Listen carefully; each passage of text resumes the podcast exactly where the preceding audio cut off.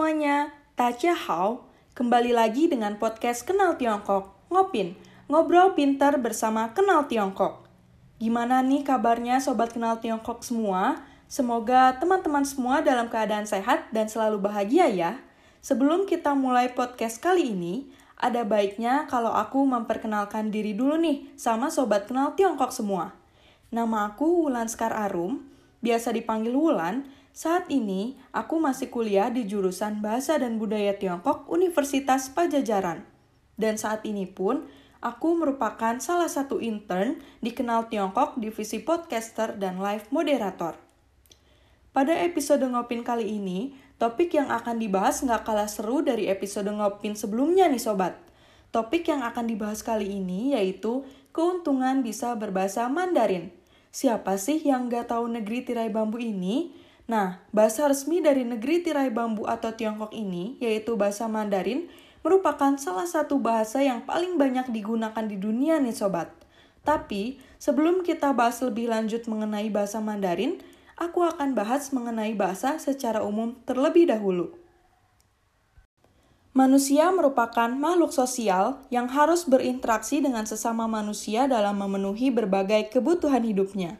Nah, dalam berinteraksi tersebut dan dalam kegiatan apa pun nih sobat, baik itu bermain, belanja, bekerja, kita semua manusia pasti menggunakan bahasa.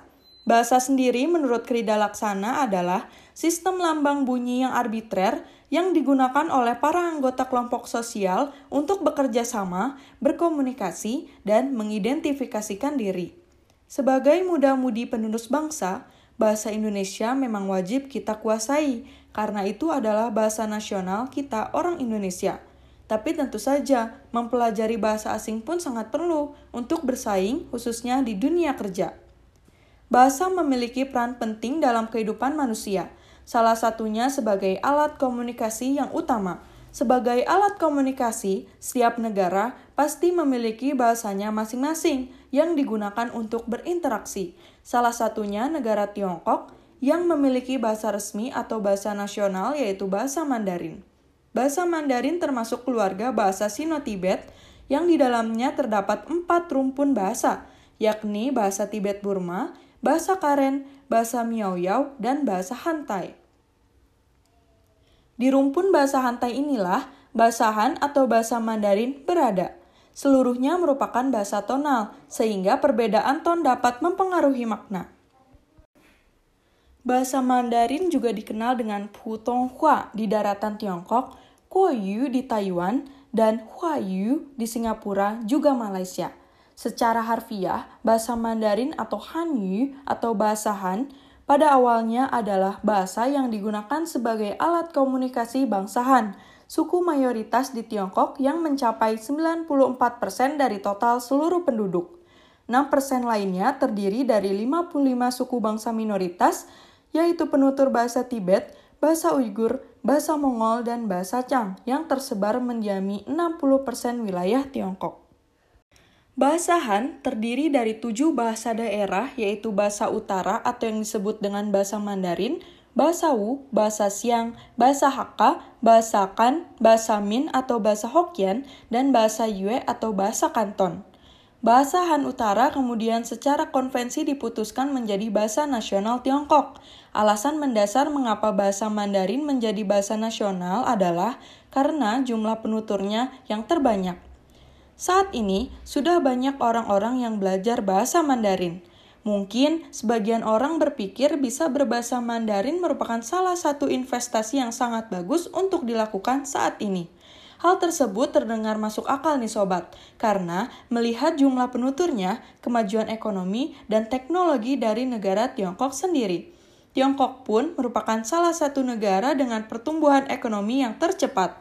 Maka dari itu, banyak aspek komunikasi manusia, baik dalam bidang politik, bisnis, hiburan, media, dan lain-lain di seluruh dunia membutuhkan bahasa Mandarin. Dengan mempelajari bahasa Mandarin ini, kita bisa mendapatkan keuntungan loh Sobat Kenal Tiongkok. Kira-kira apa aja sih keuntungan kita bila bisa berbahasa Mandarin? Yang pertama, kita dapat berkomunikasi dengan satu miliar lebih penduduk di dunia. Di mana pun kita berpergian atau tinggal di bumi ini, kemungkinan besar kita pasti menemukan penutur bahasa Mandarin. Di masa depan, jumlah orang-orang di dunia yang menggunakan bahasa Mandarin kemungkinan akan bertambah. Yang kedua, banyak negara yang menggunakan bahasa Mandarin. Bukan hanya negara Tiongkok saja nih sobat yang menggunakan bahasa Mandarin. Ternyata ada lebih dari satu negara yang menggunakan bahasa Mandarin nih sobat. Buat sobat kenal Tiongkok yang suka traveling nih, bisa banget membekali diri dengan bisa berbahasa Mandarin, karena akan sangat berguna untuk sobat-sobat semua. Negara seperti Malaysia, Singapura, Thailand, Filipina juga menggunakan bahasa Mandarin. Bahkan di negara kita Indonesia juga sudah banyak orang yang menggunakan bahasa Mandarin. Keuntungan yang ketiga yaitu membuka peluang kerja baru kemampuan kita yang dapat berkomunikasi dengan satu miliar lebih penduduk di dunia memiliki nilai yang besar nih di pasar kerja sobat dan tentu saja bermanfaat dalam melamar ke perusahaan di Tiongkok dan di negara-negara yang berbahasa Mandarin lainnya termasuk Indonesia yang mana nilai investasi Tiongkok masuk ke dalam lima besar dari investasi luar negeri nih sobat. Nah, selain itu, banyak perusahaan di dunia berusaha untuk memasuki pasar Tiongkok oleh karena itu, dengan kita bisa berbahasa Mandarin, membuat kita memiliki nilai tambah untuk meraih peluang kerja. Selanjutnya, kita bisa memiliki keunggulan dalam bersaing di dunia bisnis.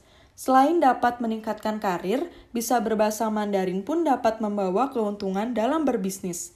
Baik sobat sekarang adalah pemilik bisnis maupun sedang ingin berbisnis, Bisnis banyak kaitannya dengan negeri Tiongkok nih sobat, karena Tiongkok merupakan salah satu tempat di mana para pebisnis hebat menjalankan bisnisnya. Oleh karena itu, bagi sobat yang ingin berbisnis atau sedang menjalankan bisnis, bisa banget nih belajar bahasa Mandarin untuk meningkatkan keunggulan dalam bersaing di dunia bisnis. Selanjutnya, keuntungan yang kelima yaitu kita bisa memahami budaya Tiongkok. Dengan mempelajari bahasa, kita pun dapat mempelajari budaya dari negara itu sendiri. Seperti halnya kita mempelajari bahasa Mandarin nih sobat. Dengan mempelajari bahasa Mandarin, kita pun dapat mempelajari budaya Tiongkok, seperti budaya menggunakan sumpit, seni bela diri Tiongkok, tradisi minum teh, festival orang-orang Tiongkok, dan masih banyak lainnya. Selanjutnya, keuntungan yang keenam, kita bisa menambah banyak teman. Seperti yang sudah dikatakan sebelumnya, penutur bahasa Mandarin sangat banyak dan tersebar di banyak negara di dunia ini. Maka, jangan heran bila sobat berpergian ke luar negeri, kemungkinan besar sobat akan bertemu dengan banyak orang yang menggunakan bahasa Mandarin. Oleh karena itu, kalau sobat bisa berbahasa Mandarin, sobat akan lebih mudah menambah teman dan tentunya bisa menjadi koneksi yang sangat berguna bagi kehidupan sobat semua. Dengan bahasa, orang yang tadinya tidak kenal, tidak dekat sama kita nih, bisa langsung akrab jika kita menggunakan bahasa yang sama dengan mereka. Selanjutnya, keuntungan yang ketujuh. Kita bisa berpergian dengan percaya diri di Tiongkok. Sobat kenal Tiongkok, apakah ada yang berencana untuk mengunjungi negeri Tiongkok? Jika iya, maka bisa berbahasa Mandarin adalah salah satu hal yang akan sangat membantu sobat tentunya. Pada saat kita datang ke Tiongkok, kita akan menemukan tanda, menu, dan komunikasi lainnya hampir semuanya nih sobat disediakan dalam bahasa Mandarin ke mana pun kita pergi. Maka dari itu, bisa berbahasa Mandarin akan sangat menguntungkan kita dalam berpergian ke Tiongkok. Selanjutnya, keuntungan yang ke-8. Belajar bahasa Mandarin dapat meningkatkan fungsi otak kita loh sobat dengan mengingat bahasa Mandarin yang menggunakan karakter Tiongkok atau disebut dengan Hanse dan metode belajarnya adalah menghafal, kita mesti selalu berpikir nih sobat. Bahasa Mandarin adalah bahasa yang sangat berbeda dengan bahasa yang biasa kita gunakan. Itulah sebabnya mempelajari bahasa ini merupakan latihan yang bagus untuk otak kita nih sobat. Nah, selanjutnya nih Sobat Kenal Tiongkok, aku akan bahas prospek kerja apa aja sih bagi orang-orang yang dapat berbahasa Mandarin. Yang pertama, dapat menjadi penerjemah. Penerjemah merupakan pekerjaan yang menyenangkan loh jika memang bahasa yang sobat terjemahkan sobat kuasai dengan sangat baik. Seorang penerjemah tidak harus bekerja dari pagi hingga malam hari. Namun, seorang penerjemah bisa menjadi freelancer dengan bayaran yang tinggi loh. Bayaran seorang penerjemah juga dilihat dari sertifikasi yang dimilikinya dan juga jam terbang. Bagi sobat yang jago dalam bahasa Mandarin, tidak ada salahnya jika menjadi seseorang penerjemah atau bahasa Mandarin. Tapi jangan lupa sobat, penerjemah dibagi menjadi dua kategori. Yang pertama ada penerjemah tulis atau disebut dengan translator dan ada penerjemah lisan yang disebut dengan interpreter. Yang kedua, kita bisa menjadi reporter bahasa Mandarin. Reporter merupakan pekerjaan yang cukup menantang karena setiap reporter harus langsung melaporkan peristiwa yang terjadi secara live di televisi sebagai informasi bagi masyarakat. Mungkin kita merasa asing jika melihat reporter Indonesia tapi menyampaikan informasinya menggunakan bahasa Mandarin. Tapi, sebagian televisi di dalam negeri sudah melakukannya nih sobat, dalam acara yang memang khusus terlibat menggunakan bahasa Mandarin. Kelebihannya tentu saja, bayaran yang dibayarkan akan lebih tinggi karena kemampuan plus kita bisa berbahasa Mandarin. Selanjutnya, prospek kerja yang ketiga, yaitu bisa menjadi news anchor berbahasa Mandarin.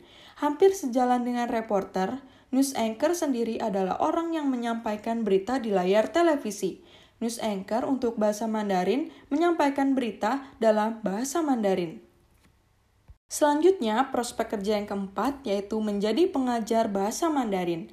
Selain prospek kerja yang sudah disebutkan tadi, orang yang bisa dan jago berbahasa Mandarin bisa menjadi pengajar bahasa Mandarin nih sobat. Nah, selanjutnya yang kelima, bisa menjadi tour guide bahasa Mandarin.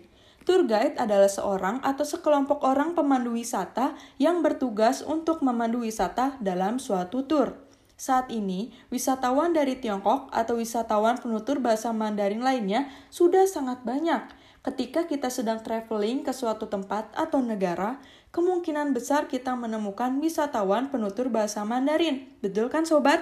Hal ini menjadi peluang untuk menjadi tour guide bahasa Mandarin nih sobat. Selanjutnya yang keenam, menjadi Mandarin speaker di perusahaan Tiongkok. Saat ini, perusahaan Tiongkok sudah sangat banyak. Hal ini merupakan peluang bagi kita nih sobat untuk menjadi Mandarin speaker di perusahaan Tiongkok tersebut. Selanjutnya, prospek kerja yang ketujuh, menulis artikel bahasa Mandarin. Prospek kerja dari menguasai bahasa Mandarin selanjutnya yaitu menulis artikel dalam bahasa Mandarin. Jika sobat hobi dalam menulis artikel dan bisa berbahasa Mandarin, maka tidak ada salahnya jika mencoba menulis artikel dalam bahasa Mandarin nih. Kemampuan sobat dalam menulis artikel bahasa Mandarin tersebut menjadi poin plus bagi sobat dibandingkan dengan penulis lainnya yang belum tentu dapat menulis artikel dalam bahasa Mandarin. Menulis artikel ini bisa sobat lakukan di website yang khusus membayar para penulis yang mau membuatkan artikel bagi mereka dalam bahasa Mandarin. Yang kedelapan, dapat berbisnis ekspor-impor. Sobat pasti udah pada tahu kan, negeri Tiongkok terkenal akan bisnisnya. Nah, dengan bisa berbahasa Mandarin nih, sobat bisa berbisnis ekspor-impor. Misalnya, sobat mengimpor barang dari Tiongkok lalu menjualnya kembali di Indonesia. Banyak sekali barang dari Tiongkok yang harganya jauh lebih murah bila dibeli langsung dari negeri Tiongkoknya loh sobat. Nah, gimana nih Sobat Kenal Tiongkok? Melihat prospek-prospek kerja tadi, jadi semangat nggak sih buat bisa berbahasa Mandarin? Ternyata banyak banget kan Sobat keuntungan-keuntungan yang bisa kita dapatkan bila kita bisa berbahasa Mandarin. Dan tentunya nih, banyak juga prospek kerja untuk orang-orang yang bisa berbahasa Mandarin tentunya. Oke Sobat Kenal Tiongkok, semua itu tadi keuntungan-keuntungan yang bisa kita dapatkan bila kita bisa berbahasa Mandarin. Jadi, kapan nih Sobat Kenal Tiongkok mau mulai belajar bahasa Mandarinnya? Aku saranin banget buat Sobat Kenal Tiongkok semua untuk belajar bahasa Mandarin dari sekarang nih Sobat. Karena banyak banget keuntungan dari bisa berbahasa Mandarin. Dan tentunya, Sobat bisa belajar bahasa Mandarin di Kenal Tiongkok.